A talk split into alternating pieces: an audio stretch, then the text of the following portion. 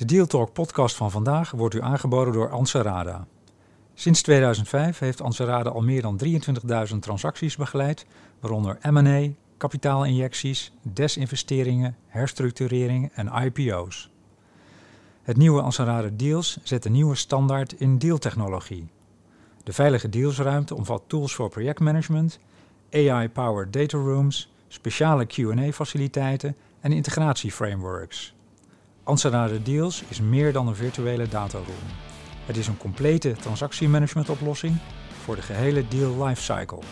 Start kosteloos op ansarada.com. Welkom bij een nieuwe aflevering van Deal Talk, de podcast over fusies en overnames. Mijn naam is Ben van den Burg en ik ga in gesprek met ondernemers over dromen, daden, dilemma's en deals. Vandaag Joost Snoep. Joost is managing partner en owner bij Buy Insight. Hallo Joost, Dag Ben. hoe gaat het?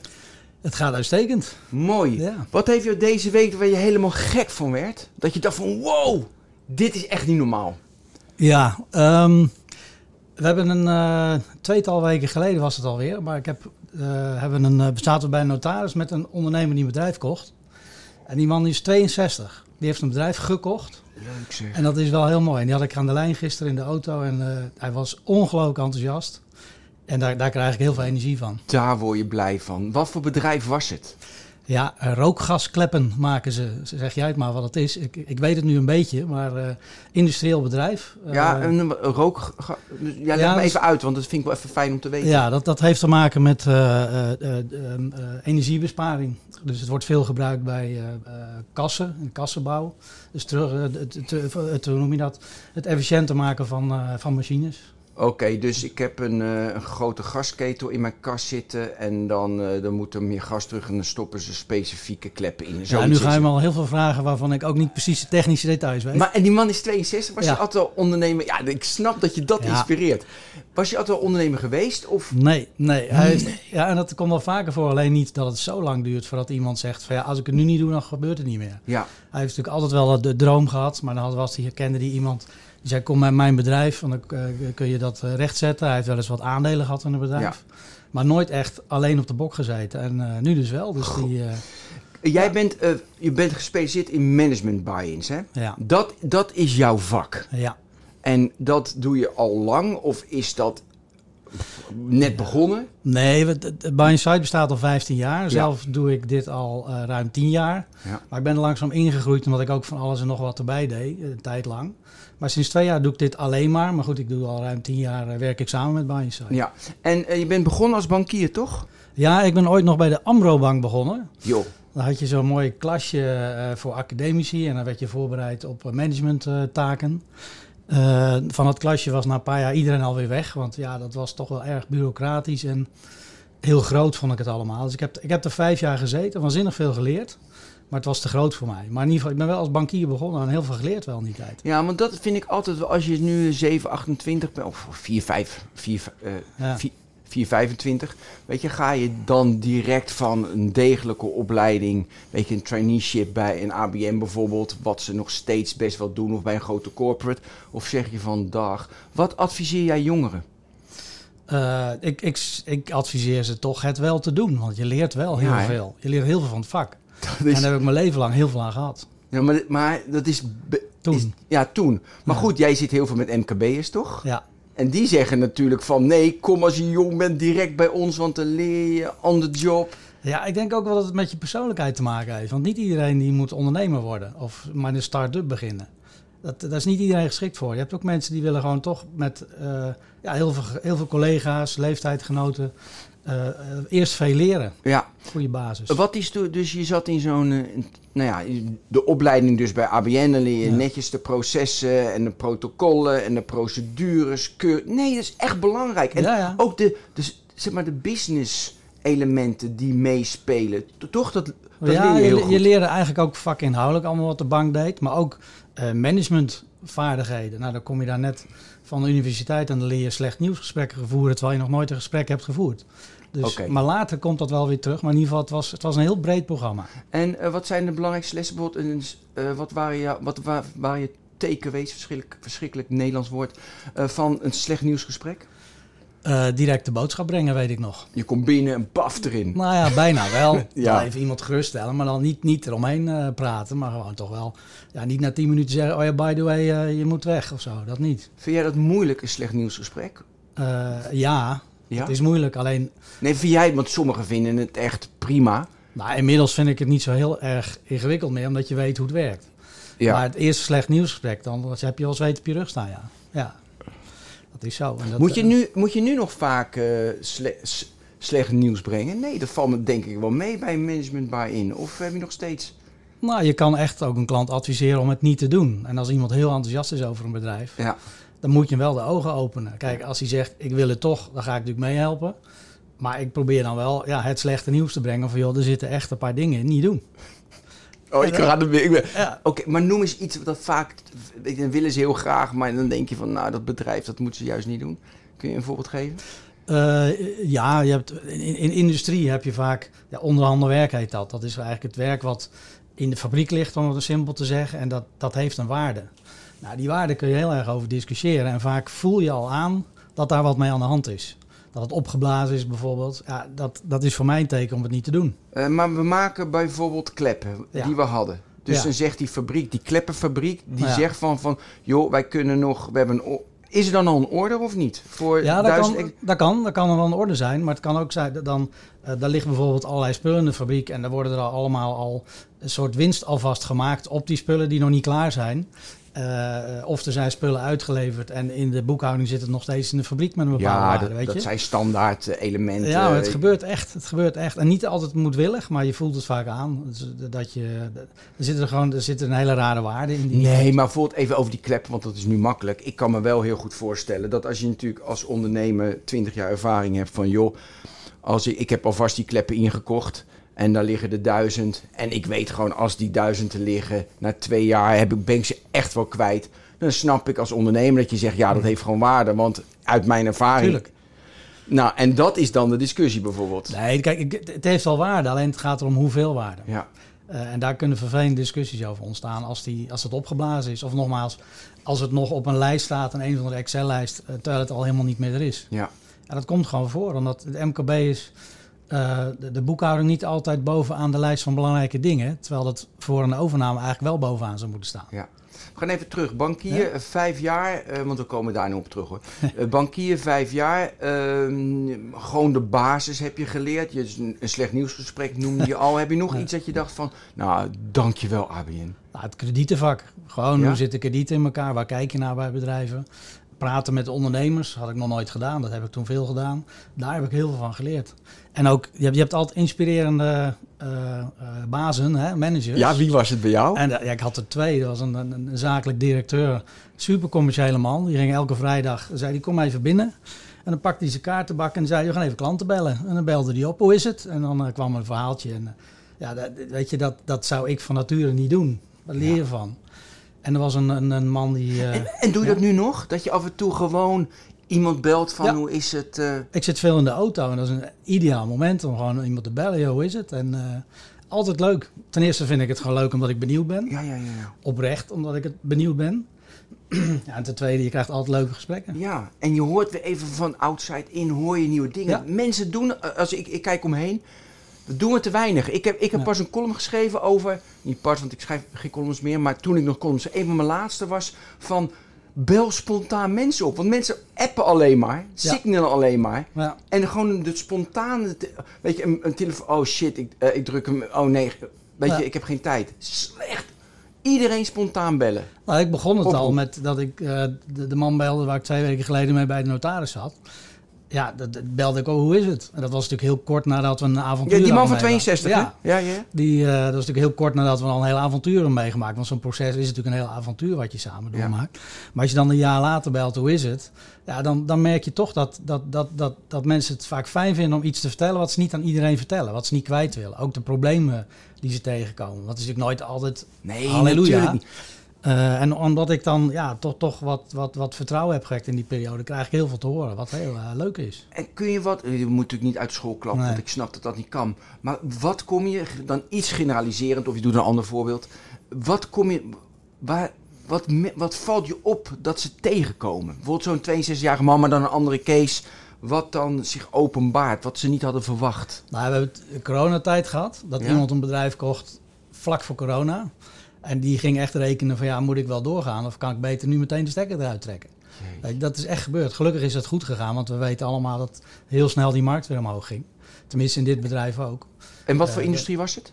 Ehm, ja, hele specifieke eh, machines maken. Dus Ook weer met- een soort Ja, jij zit heel veel. Ik heb op Ja. de website gekeken, je zit veel in die aparte dingen. Ja, klopt. Eh, Maar, maar, ehm, eh, maar ja, goed, zo, bijvoorbeeld, je hebt ook vaak dat je zegt van er zitten bepaalde risico's in een bedrijf en dat weet je. Mhm. En dan moet je niet zeggen je moet het niet kopen, maar je kan dan wel zeggen, ja, bewust moet je dat dan nemen, dat risico. En het zit vaak in personeel. Dat er die iemand kunnen nog zit. weglopen. Ja, of dat iemand denkt dat je denkt van oeh, dat is nog een neefje van, weet je wel, van de Oh, oude je baas. Veel En, bij familiebedrijven eh, natuurlijk. en, en ja, toch heel vaak is daar dan wat mee na een jaar. Dat is heel, heel gek. Ja. ja. Maar goed, weet je, je, je kan, ja, daar moet je ook weer mee omgaan natuurlijk. Ja.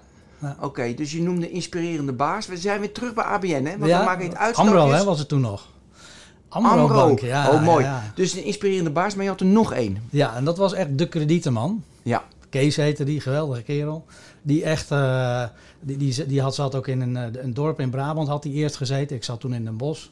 En die had daar gewoon ook een marktaandeel van 39% geloof ik, omdat iedereen naar hem toe liep. Weet je nog, de ouderwetse bankier. Omdat het een mens was. Echt een mens. En die regelde het voor je. Ja. En die zei ook nog van, weet je, ik vind het een hoger risico. Je betaalt gewoon een hoger percentage. Nou, dat komt toen nog. Leuk, hè? Ja. Maar, want ik, mijn vraag popte op. Is kre- kredietverlening een art of een science? Maar nu denk ik, het is een art. Ja, maar het wordt wel steeds meer een Science, natuurlijk. Ja, maar ik, ik geloof er niet, want ik ben natuurlijk gewoon een ouderwetse bankier. Ja. Van, van huis uit. Inmiddels ben ik al eh, 25 jaar geen bankier meer, of 30 jaar. Dus ik, eh, maar in ieder geval, ik ben wel zo opgevoed nog. Dat je echt wel de mens moet zien. Ja. En niet meer alleen maar via het beeldscherm. Dat is heel, eh, heel ingewikkeld lijkt me. Ja, maar goed, inderdaad, het- naar mijn idee wordt het ook steeds meer wordt het een science. Oké, ehm, dus na de, na de AMRO, ja, Ja, maar ik heb wel de fusie meegemaakt nog hoor. Dus eh, toen werd het wel ABN AMRO. En het hele politieke spel eromheen, dat ik was een AMRO-poppetje. Dus ik moest ergens naartoe en verhuizen. En toen dacht ik, ja, dat gaat niet werken.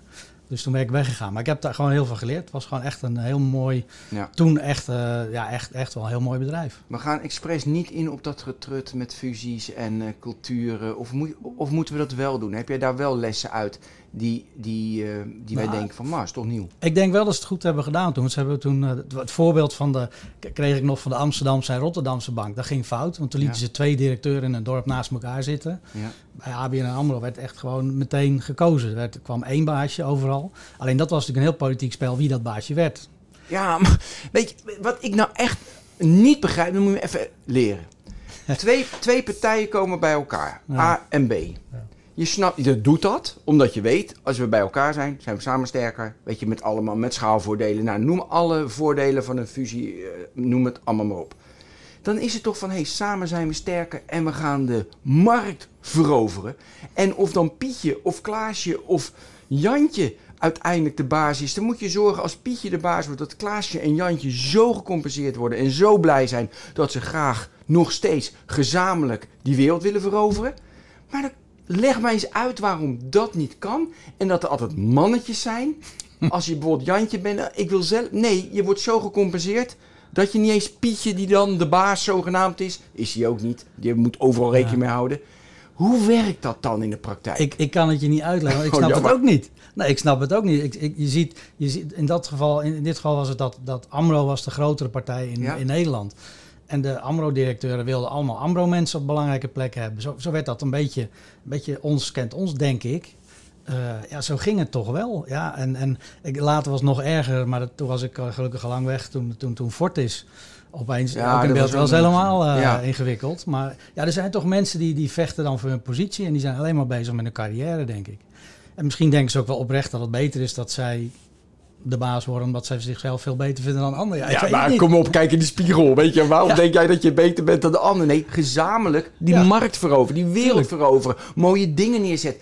Nou, dat heeft ABN AMRO natuurlijk wel gedaan. Die wa- was echt een goede bank na de fusie. Jawel, maar Ja. we, we hebben het nu over de ABN, maar je ziet dat dus bij heel veel Ja. fusies. Weet je, je ziet dat bijna overal. Dan, dan is er zeg maar een document, frequently asked questions, we gaan samen, wat gaan we daarmee Hmm. doen? Het zijn altijd verdedigende vragen. Altijd van, wat betekent het voor mij en heb ik mijn Ja. positie nog? Dan denk ik van, kom op, naar, weet je, naar voren met z'n allen. Ja, Maar nou, goed. ik, ik ben met fusie ook toevallig wel bezig geweest vorig jaar en dit jaar met een ander. Ja. En dat is allebei toch wel duidelijk van samen zijn we sterk. En dat ze ook proberen. Maar dan zit MKB misschien toch minder ego's. Ik weet niet wat het is. Maar Ja, nee, maar precies. Want kijk, het is ook natuurlijk heel vaak, weet je, dat je efficiëntieslagen gaat maken. Dus mensen weten ook van, hé, hey, er komen posities op de tocht te staan. En daar zijn mensen bang voor. En dat is wel prettig in deze tijd. Je hoeft daar minder bang voor te zijn. Weet je, nu, nu wij dit opnemen, was net bekend dat, eh, dat Meta 11.000 man eruit gooit. Ja, dan denk ik van, joh, je krijgt vier maanden mee, je opties krijg je allemaal. Weet je je hebt zo weer een nieuwe baan. Weet je, want overal is werk voor dat soort types. ja, Dus hoe- hoeveel slechter ben Tuurlijk, je hebt vrienden, je wil samen iets bouwen en dat komt een breuk in. Maar ja, dan ga je wat anders doen. nou, misschien Of- mensen toch een nederlaag vinden als ze niet gekozen worden of zo. Als de nieuwe baas. Of Ja, dat, dat Maar- ego, ja. Joost, jij weet toch dat nederlagen in jouw leven, mo- dat, dat, dat koester je toch? Daar heb je van geleerd, daar ben je verder van gekomen. Nou, op het moment zelf niet, maar daarna Nee. wel. Ja, Ja, precies. Ja. Dus vertel over je nederlagen. Waar je op het moment dacht je shit, maar ja, daarna denk je van top. Wat is je grootste nederlaag ooit? Mag groot- zakelijk zijn, hè, hoeft niet privé te doen. Ja, nou goed, dat was alweer. eh, poeh. Nou ja, bij privé heeft dat te maken, denk ik, met, met, met, een, met, een, eh, met, met een relatie die niet goed ging. Ja, tuurlijk. Dat is absoluut de grootste nederlaag. Ja. Eh, zakelijk heb ik een keer, ja, heeft te maken gehad met een buy-out situatie waar ik in zat en wat, wat toen niet gelukt is. Maar goed, dat, dat, is, een, eh, maar dat, is, dat is zakelijk gezien heel jammer. Dat gewoon, het klopte niet, dus het ging niet door. En dat is jammer. Oké, een buy-out die niet doorging en jammer, maar goed, dat is gewoon... eh, dat is nou ja, dat de- kwam. Ik denk dat ik degene was die stekker eruit trok. Dus dan ben je er zelf actief mee, omdat het team klopte niet helemaal waar we toen mee waren. Eh, dus, dus was ik niet bereid om nog meer te betalen. Dat was eigenlijk in het kort eh, wat er Oh, toen nou ja, gebeurde. prima toch. Maar je bent er heel lang mee bezig en dan gaat het niet door. En dat is wel heel jammer dan. En slaap je dan niet? Of, of, heb je van, eh, of kan je dat behoorlijk goed scheiden? Ehm jawel, jawel. jawel. Oh, je, je slaapt gewoon. Nee, ik vind het, ah, nee, ik lig daar niet echt heel wakker van. oh, ik vind het grappig. Ik, ik sla, als het heel slecht gaat bij mij, dan slaap ik als een roos. Maar als het Ja. heel goed gaat, dan slaap ik niet Ja, meer ik van de adrenaline. Ja, dat, is klopt. Het is vaak andersom is dat. ja, dan word ik heel vroeg wakker als ik heel enthousiast met Ja, alle ik dingen. ook. Dan denk ik, oh, wat is er gebeurd? Gaaf. Ja, ja. Dus dat is precies andersom. Oké, we hebben AB wat ging je naar de AMRO doen? Toen ben ik bij FMO, de Nederlandse Ontwikkelingsbank, drie jaar gaan De werken. Iets Nederlandse heel- Ontwikkelingsbank. FMO, ja. Ja. Toen heette het nog de Financiersmaatschappij voor Ontwikkelingshandel. Mooi. Ja, dat, is, dat, dat was net ge- geprivatiseerd eigenlijk vanuit de overheid. En dan Ja. zochten ze commerciële bankiers. Hartstikke leuke tijd gehad, veel gereisd. Ehm, maar na drie jaar dacht ik, het is wel heel specialistisch werk. Ja, je zat ook met... Ja, wat moest je specialistisch doen? Nou, wij, wij financierden, tenminste de afdeling waar ik zat, dat was wel heel interessant trouwens. In lokale valuta, eh, banken en leasemaatschappijen in emerging markets begonnen toen te heten. Ja. En ehm, eh, wij bleken daar nog geld mee te verdienen ook. Dat was een potje van de overheid hadden we gekregen. En dan mochten we in, eh, nou ja, Kenia. i- i- ja, in shilling en in kwacha en noem het maar op, mochten we gewoon eh, leningen verstrekken. Maar dat deden we met een rente die anders dan in Europa nu hoger was dan de inflatie in die landen. En over lange termijn maakte hij daar rendement op bleek. Nou, dan konden we dat weer herinvesteren. Dus dat was, dat was heel erg leuk.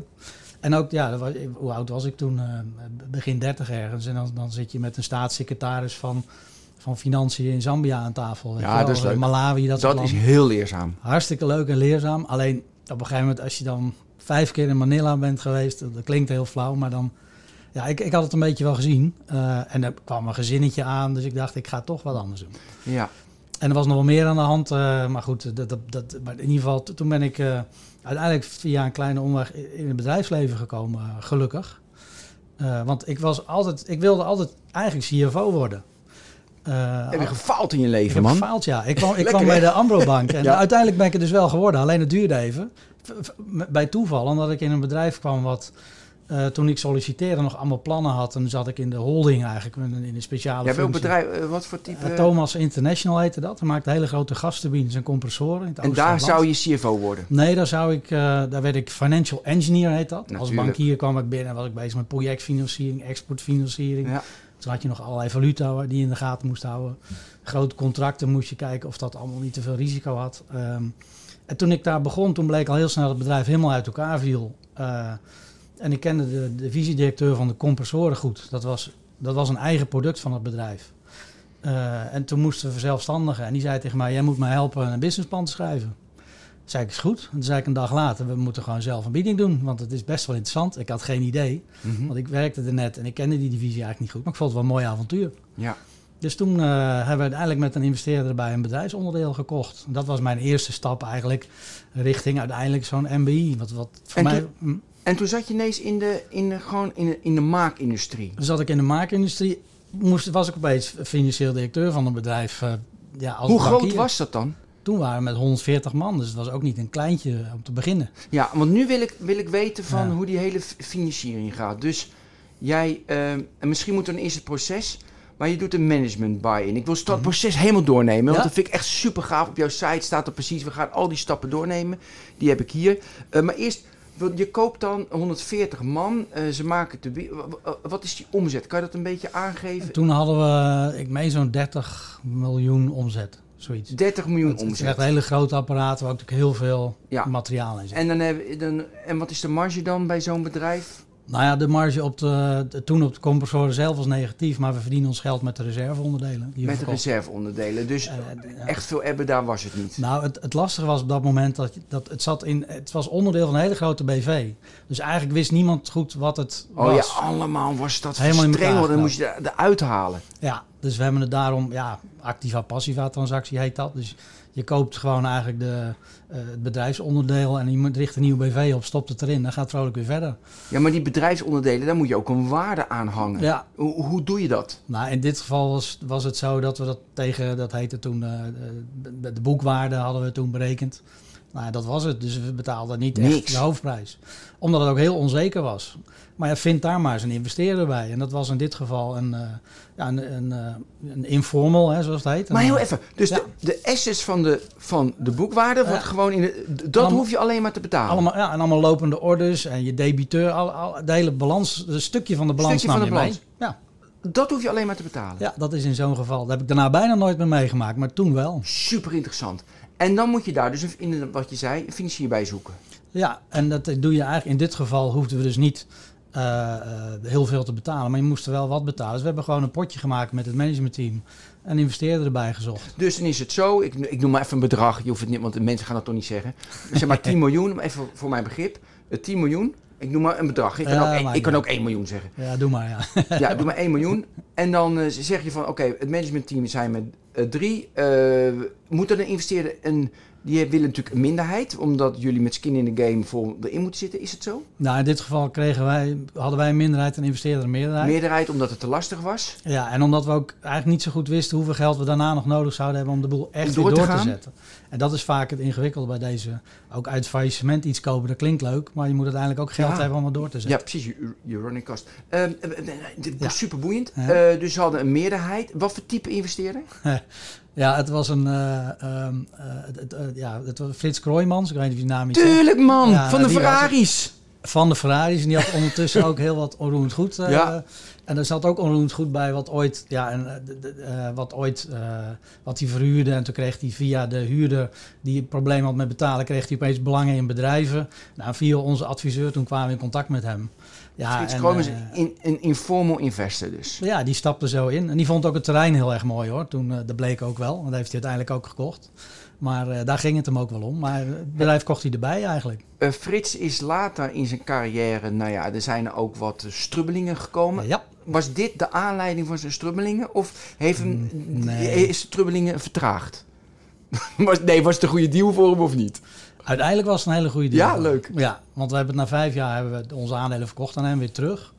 Eh, en dat was achteraf gezien veel te vroeg, want het is daarna voor veel meer doorverkocht. Gaaf. Alleen dat was ook omdat ik zei, nou, we hadden een vijf jaar lock-up zoals het heet. Ja. En ik wilde eigenlijk niet verder, omdat ik toen al vond dat er wel wat dingen gebeurden binnen die hele groep. eh, waar Je ik hebt in ieder geval. losgetrokken? Nee, nee, want het, het, het, werd, nog het heel werd- we begonnen apart en na twee jaar werden we in een groep ingebracht. Eh, en eh, nou ja, ik heb uiteindelijk ook in die groep nog hele leuke dingen gedaan overigens. Maar het- ik vond het wel heel opportunistisch en daar ben ik misschien iets te conservatief voor, dat weet ik Ja. niet. Eh dat is ook flauw om te zeggen dat ik gelijk heb gehad, want ik wist helemaal niet wa- wat er allemaal aan de hand was eigenlijk. Maar er werd heel veel geld geleend, continu, maximaal, weet je wel. Niet eventjes adempauze, even geld sparen, Ja. vol, nee, continu Waarom was dat? ja, groei, groei, groei. Enorme groei. da- daar ging het om. En dat vind je irritant? Nou, ik vind het niet irritant, maar je moet denk ik de momenten uitkiezen. Als je een mooi moment hebt, dan moet, kan je best een risico nemen. Maar je moet niet doorlopend kijken, elk half jaar de bank bij hoeveel kan ik lenen en dat weer steeds doorzetten. Want dan gaat natuurlijk een keer fout. Er komt een keer een slechte tijd aan. Dus je moet denk ik ook zo nu dan even pas op de plaats uh, doen. Net, ja, bij een buy-in ook, dan neem je een heel groot risico. Dan moet je niet meteen een jaar later weer doorpakken. Dan moet je eerst verteren. Ja. We gaan even nu de diepte in met de, met de management buy-in, ja? Ja, leuk. Ja. Oké. Okay, dus je hebt een heel proces. Je, uh, oh ja, eerst dat profiel. Weet je, je hebt een profiel opgesteld van mensen die, die, die aan een management buy-in moeten kunnen beginnen. Ik zal je helpen. Uh, je moet weten waarom je het wilt. Je moet commitment hebben, focus. Je moet ruimte hebben. Je moet commerciële drive hebben, hands-on. Je moet beslissingen nemen. Niet te hoge levensstandaard hebben. Oeh, dat is lastig.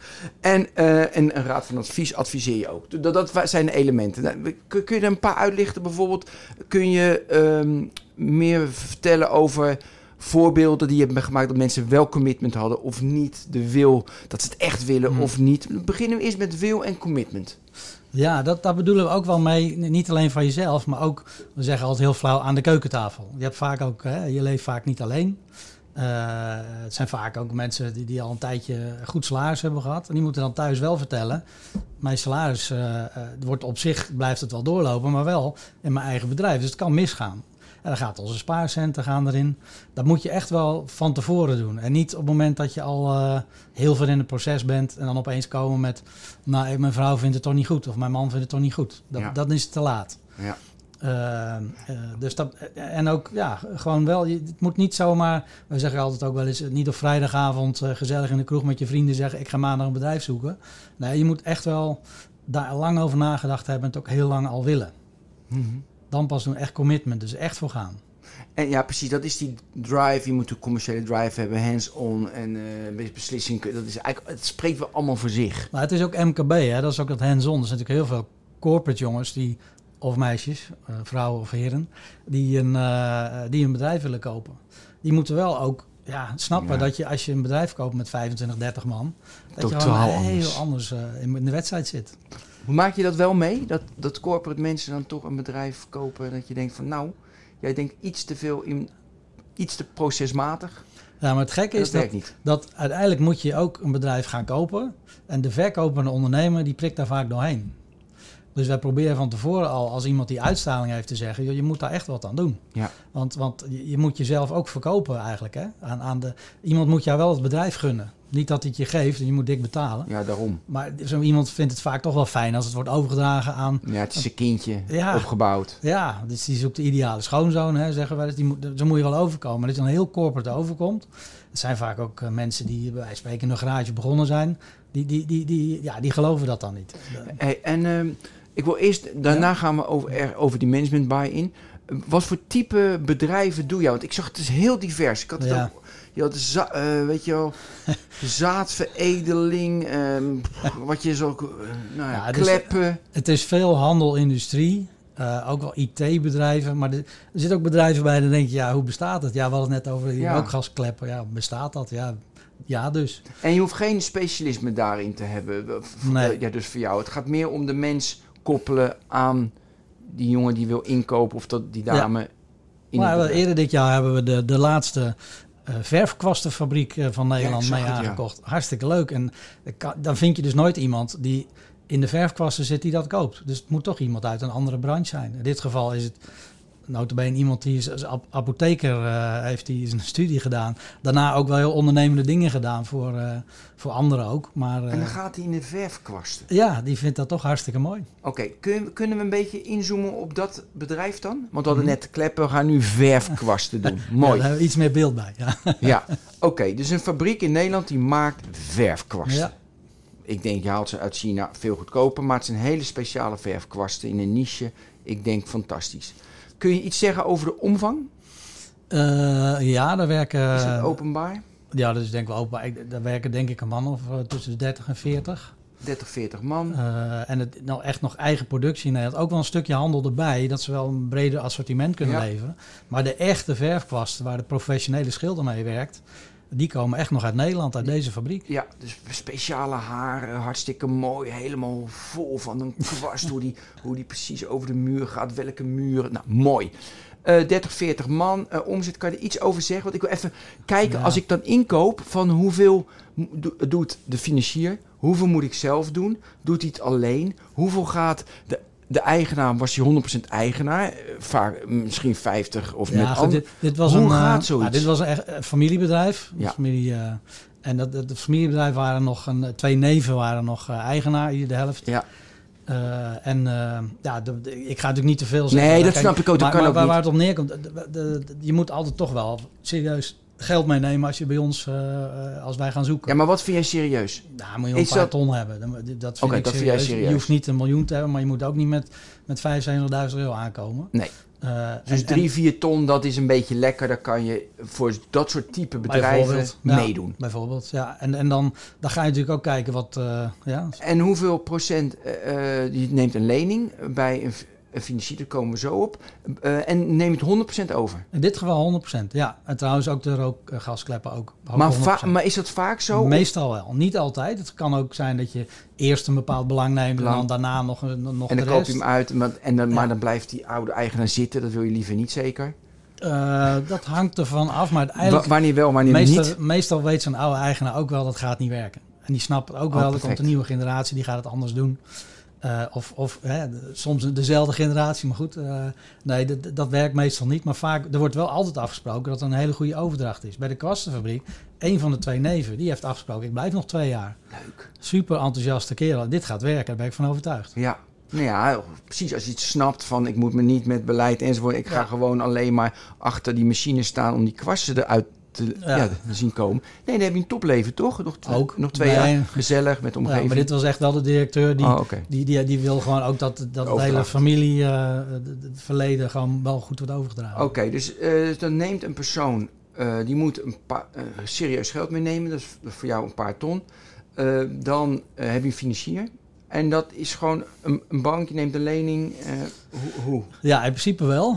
Eh, er zijn, eh, je, je hebt naast, naast de bank heb je natuurlijk ook nog wel Ja. andere instellingen tegenwoordig. Of, of fondsen die, die dat ook doen, gelukkig.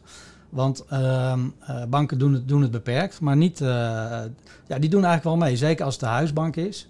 Die wil heel vaak toch wel het bedrijf houden. Ja, continuïteit hebben. Maar die kijkt wel naar bepaalde keengetallen. Niet meer dan eh 2,5, 3 keer EBITDA. Dat soort dingen kom je dan tegen. Ja. Eh, dus eh, ja, zo ga je een beetje stapelen. Eh, eigen geld, bank. En dan de verkoper doet het tegenwoordig. Daar is eigenlijk toch wel standaard ook nog wel een stukje lening in. Ja. Dus die blijft financieel dan wel bij betrokken. Dat is ook wel prettig. Want ja, dan, dan weet je in ieder geval als er lijken in de kas zitten... dat je nog wel iets hebt. Ja. Ehm, en, en het is anders ook... Ja, daarmee kan die ook zijn, een betere prijs krijgen. Alleen een stukje krijgt hij later. Ja. Soms spreek je een, earn-out af. Hè, dat je een stukje afhankelijk van de winst in de toekomst afrekent.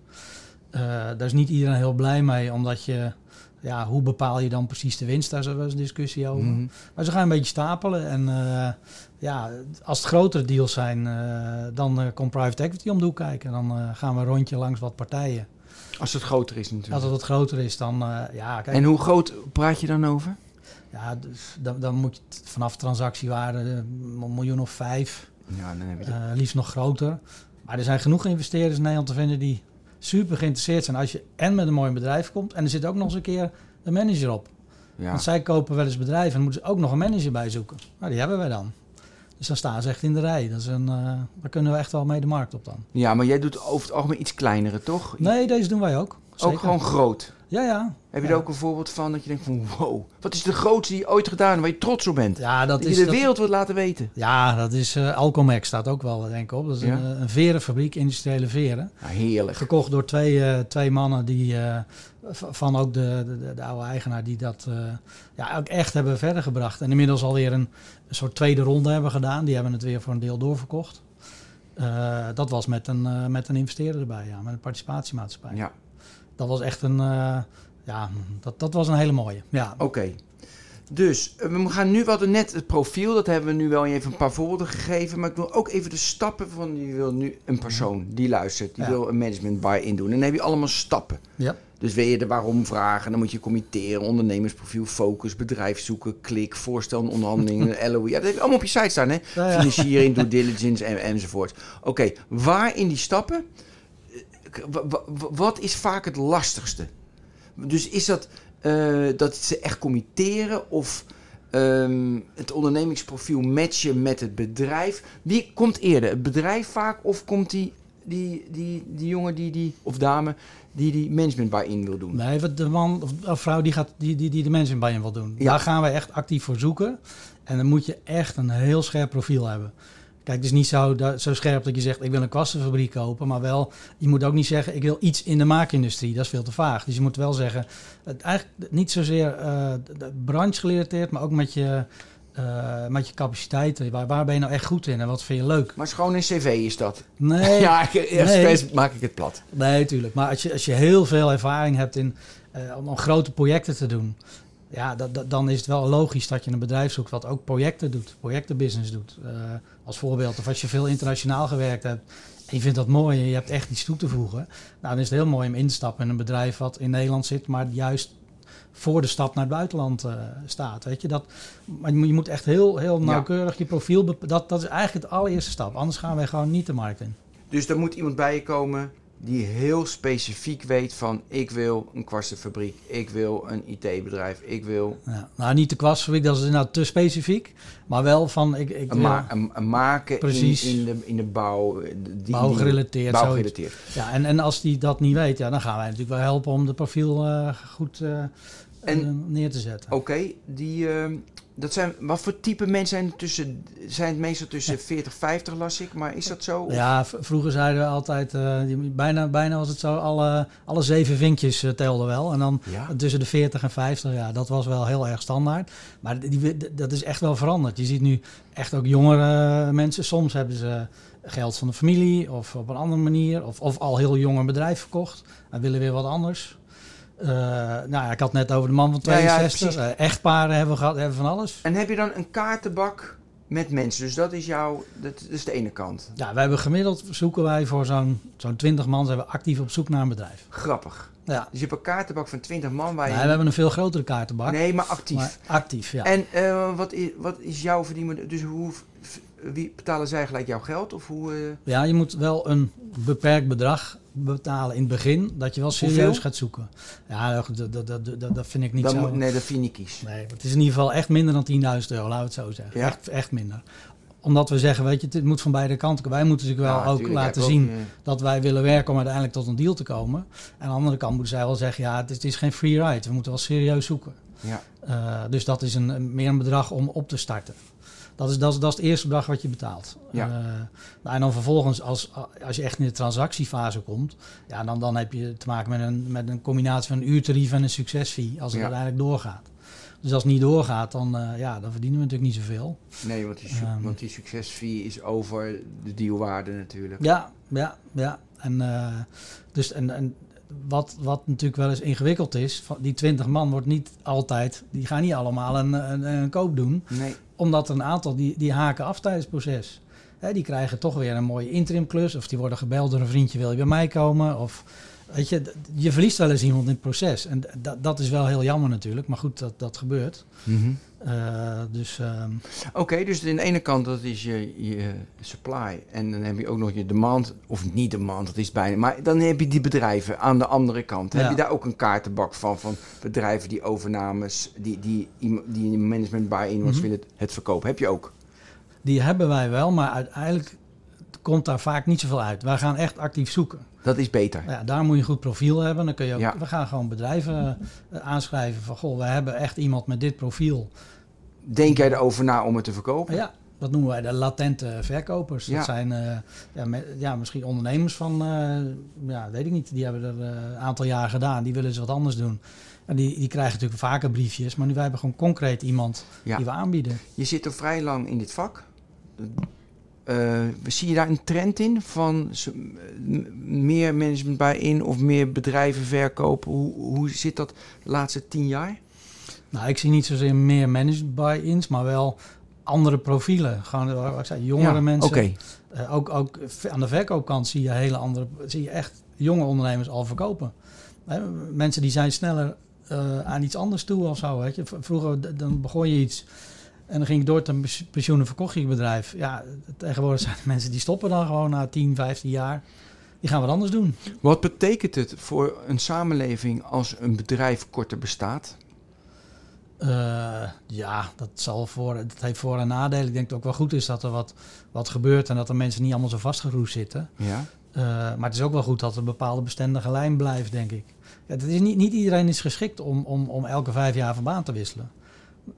Ik zei altijd, toen ik nog CFO was, het is een heel mooi om een team te hebben... waar een aantal mensen in zitten die gewoon lekker boekhouding doen... en elke dag op tijd komen en alles op tijd af hebben. Die heb je echt ook nodig. Ja. En als je die steeds elke vijf jaar moet laten verkassen... ik weet niet of ze daar gelukkig van worden... Maar ik denk voor de economie, ja, dat, daar hebben we er zoveel over geschreven nu dat het gewoon niet goed is dat er zo weinig faillissementen zijn. Of dat er dus zo weinig, Ja. eh, ja, eigenlijk weer, weer, weer vers kapitaal vrijkomt of verse mensen vrijkomen. Maar voor, ja, een bedrijf, ja, je had meer over bedrijf. Nou, ik had meer van, weet je, ehm, het is inderdaad korter, weet je, een bedrijf bestaat. Ja, maar ze stoppen niet, hè. ze krijgen een nieuwe eigenaar. En dat is juist, denk ik, dat goed. is juist goed. Hè, want beursfondsen, wat is het? Tegenwoordig twee keer vijf, jaar- vijf jaar, dan moet je eigenlijk stoppen. Of, of twee keer vier jaar, of twee keer zes jaar, weet ik Ja. niet. Maar bij het MKB, waarom moet je daar wel een, eh, een, DGA hebben die daar eh, 40 jaar blijft? En dan krijg je inderdaad, dan heb je toch nog je, je sociale rol in, de, in het dorp of in de omgeving, in de Ja. provincie, waardoor je die bestendigheid toch, die stabiliteit ook in de samenleving houdt. Ja. Zeg jij, er zit alleen een andere, DG, alleen een andere DGA. Ja, alleen het nadeel is natuurlijk wel dat je levensfases van het bedrijf, die maak je ook allemaal mee. Hè? Ja. Internationaliseren, eh, je, je bepaalde, bepaalde hele grote klanten waar het heel makkelijk is, als die wegvallen, moet je opeens nieuwe zoeken. Kun je dat allemaal? Dus Ja. vaak, vaak voegt zo'n MBI'er zoekt er- voegt echt iets toe, vaak commercieel, eh, managerial, niet zozeer technisch, dat niet. Maar Kijk, zelf heb je ook een management buy-in gedaan. Ja. Toch? eigenlijk wel. Ja, eerst wat ik zei bij Thomas, ik was meer een buitenstaander die mee ging Ja, doen. dan ging je meedoen, maar ook, maar, By maar ook ook, ja. Ja. ja. maar dat was meer voor mij een buy-out, want ik werkte al samen tien jaar met Buy Insight. Dus ik, ik wist precies wat ik deed toen ik daar instapte. Eh, en een van de oprichters stapte uit, daar ben ik voor in de plaats gekomen. Eh, dus het was niet helemaal vergelijkbaar met wat we normaal mee- meemaken. Eh, dus, eh, maar ehm, ja, dus ik, dat, nee, het is niet helemaal vergelijkbaar. Dus het was niet dat je dacht van, oeh, dat nee, is en ook, lastig of wij niet. zijn een klein clubje. We hebben vier vaste mensen met nog flexibele schil. Ja, Dat is een klein flexibel clubje met... eh, er was niet heel veel boekonderzoek te doen in ieder geval. Hey, en is het bij jullie bijvoorbeeld, bij management, bij, ehm, bij jouw bedrijf, is het ook stabiel? Of zie je een groeiambitie? Zie je kans? Of denk je van, joh, als ik die 20 personen heb en af en toe een dealtje maak, dan, dan, eh, dan vind ik het allemaal wel prima. Nee, dan vind ik het niet prima. Nee. Waarom niet? Ehm, nou, heeft ook denk ik te maken met... eh, eh, je, moet, je moet wel in de markt een bepaalde factor zijn. En dan moet je niet te klein zijn. Je moet toch aanwezig zijn en ook geld hebben om te laten zien dat je er bent. Ja. En dat, als je te weinig deals doet, dan, dan, dan, dan- ja, dan, dan, dan gebeurt dat niet. Dat is één. Twee, ook, ook, ook ja, uiteindelijk... eh, ja, ik geloof dat de, de AOE-leeftijd is weer verhoogd. En de Ja, pensioenleeftijd- 67 jaar en drie maanden. als ondernemer heb je natuurlijk helemaal niets daarmee te maken. Nee. Maar goed, eh, dan zou ik, op een gegeven moment wil ik ook wel een, een, goede opvolger hebben. En het is toch denk ik makkelijker om iemand eh, in te werken die langzamerhand mijn rol over gaat nemen. En over, weet ik het wel, 15, 15 jaar dat, dat gaat doen. Ja. Eh, dan moet je denk ik een bepaalde omvang hebben. Dat is, dan word je ook echt een bedrijf en niet, niet zozeer een adviesclubje. Hm. Eh, maar met name, wij- wij denken dat de MBI-markt veel groter kan worden, ook door, door Hoe? meer fondsen aan te spreken. Er zijn natuurlijk ook jongens van 35, die hebben maar 25.000 euro misschien. Ja, Maar die kunnen wel steengoed zijn om, om een MBI te doen. ja. Nou, als je daar fondsen aan gaat koppelen, en daar zijn we wel een beetje mee bezig al, dan denken we dat die markt nog veel groter kan worden. Is dat nu op dit moment, we spreken over november 2022, lastiger om die fondsen te krijgen? Of zit er nog steeds onbeperkt geld in de markt? Ja, voor dit soort dingen wel. Ja? Voor dit soort dingen is er helemaal niets aan de hand. Dit is, dit is geen eh, start-up, scale-up, dat, daar is een MBI ook niet voor geschikt. Nee. Want dat is niet te financieren met, met rare waarderingen en zo. Wij zijn gewoon van de, van de ouderwetse waardering bijna. Hè. Dat kun je op een bierveeltje doen, Ja. oneerbiedig gezegd. Ehm, maar nee, Wil je iets meer vertellen over die waardering? Ik hoorde net twee, tweeënhalve keer hebben daar. Maar kun je iets meer Ja, en dan hebben we ook financiering, maar Nee. Wacht even, jij, Ja. ja, gewoon de, de, de waardering. de waardering. Kun je daar iets meer over vertellen? Ja, nou, we hebben, eh, ik weet niet of je Brooks kent, dat is, ja, dat is tuurlijk. Ja, tuurlijk. Nou, da- daar zijn wij al heel lang partner mee. En die hebben elk half jaar de overnamebarometer. Ja, En daar staan eh, multiples in. Dan zeg je Ja. van, nou, het is zoveel keer. ja, ja. De. Dat is per, Nu hang ik aan je lippen. Nee, maar goed, dat is per branche verschillend. Alleen, dan moet je de multiple wel over iets doen. En waar doe je dat dan over? Over de zogenaamde Ja, EBITDA. EBITDA. Nou, Ja. Oké, dat is een bepaald winstgetal. Maar wat is dat dan? Dat, dat is de discussie vaak. En eh, dus het is helemaal niet zo makkelijk. Het klinkt heel mooi, een sigarendoosje. En daar kun je wel even een eerste blik op werpen. Maar als een bedrijf voor hele grote investeringen staat en helemaal uitgewoond is, ja, dan is natuurlijk zo'n factor veel lager. En dat zie je natuurlijk niet in zo'n gemiddeld getal wat Brooks doet. Ja. Je ziet ook niet zo heel groot verschil tussen bedrijven van 10 man en van 100 man. Wat wel degelijk eh, invloed heeft op je, op je factor. Dus je, je moet eigenlijk daarnaast toch ook altijd wel een ja, zogenaamde DCF, hè, dat je naar de, voor, nou, naar, naar de toekomst kijkt. eh, moet je echt wel meenemen, ook in je berekening als een soort controle. Ja. Dus ik, ik gebruik die, eh, die multiples echt als een, weet je, als een dikke duim. Of soms als je zegt van, weet je, laten we hiervan uitgaan. En tijdens het proces even kijken of we daar vanaf moeten wijken. Eh, maar het is, wel heel, het is op zich wel bruikbaar. Maar wat, wat ik net zei, die EBITDA, heb je het dan over EBITDA van dit jaar... of van de laatste drie Ja, jaar, tuurlijk. of van de gemiddelde... Weet je, noem het maar. Nu in c- eh, coronatijd net achter de rug. Het lijkt heel lang geleden, maar in de, in de cijfers hebben we er nu volop last van. Ja, 2020 eh, aantal heel slecht, 21 inhaaljaar. Wat is dan een normaal jaar? Ja, zeg het maar. Ja, maar toch merk ik, ik zit natuurlijk niet in jouw handel, maar ik merk wel dat daar vrij nuchter mee om wordt gegaan in jouw handel. Van dat inderdaad ook die multipliers, ja, in die industrie dat, dat is een beetje de benchmark wat er een beetje wordt Mhm. gegeven voor zo'n type bedrijf. Ja. Nou, dan doen we dat.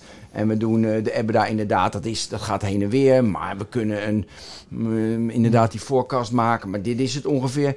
Die waarderingen, je denkt van, oh, dat is... Of merk jij in jou, in, dat jij wel waardering echt een dingetje is? Ik merk Ja. dat namelijk nooit zo, als ik ook een beetje rondluister. Nou, ik merk het wel hoor. Want Ja, gaaf. je, je krijgt, je- er zijn, er zijn eh, de, de meeste overnamekantoren zitten echt met name op de verkoopkant. Ja, En die maken hele mooie memoranda met hele mooie grafieken enzovoort. En met zogenaamde normalisaties. ja. Want de winst was wel 100, maar eigenlijk moet het ja 200 al die normalisaties, ja. Maar die zie je altijd, altijd gaan. Die, zou de winst eigenlijk veel hoger geweest moeten zijn. Ja, ja, ja. ja. En dan zeg ik altijd, ja, dus in de toekomst heb je niet een debiteur die, die, die omvalt, of heb je Ja. geen daar. Dus ja, daar is wel echt wel wat op af te dingen hoor. Ja, de normalisatiepoppenkast wordt dat genoemd. Ja, maar dat gaat heel hard hè. Want als je Ja. zegt van, ah, kijk, en als je het over de, de fee van de ondernemer hebt, daar, die kun je normaliseren. Kun je zeggen, hij krijgt drie ton, dat is eigenlijk te veel. Ja. Maar als je het hebt over een, een, een, een, eh, verlies op een debiteur of zo, denk je, ja, dat is altijd, komt dat voor. Goh, Of mooi. je boek je vooraan, ik, dat, nou ja goed, daar, daar, is, daar is echt wel wat op af te dingen. Oké, Joost, wat ga je doen als je aandelen hebt verkocht in je bedrijf? Jeetje.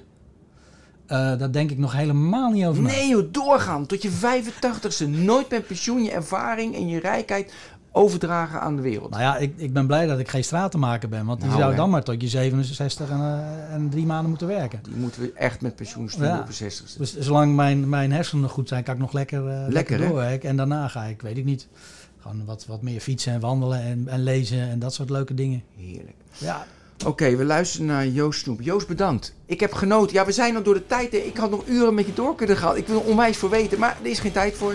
Mensen zijn al lang afgehaakt of niet, dat weet ik niet. Joost Snoep, bedankt. ja Eh, dankjewel. ja, Joost is de, eh, de managing partner en owner bij Buy Insight. Eh, bedankt voor het luisteren en tot de volgende Deal Talk. Hoi. U heeft geluisterd naar Deal Talk. De Deal Talk podcast van vandaag wordt u aangeboden door Anserada. Anserada Deals is meer dan een virtuele dataroom. Het is een complete transactiemanagement oplossing voor de gehele deal lifecycle. Start kosteloos op anserada.com.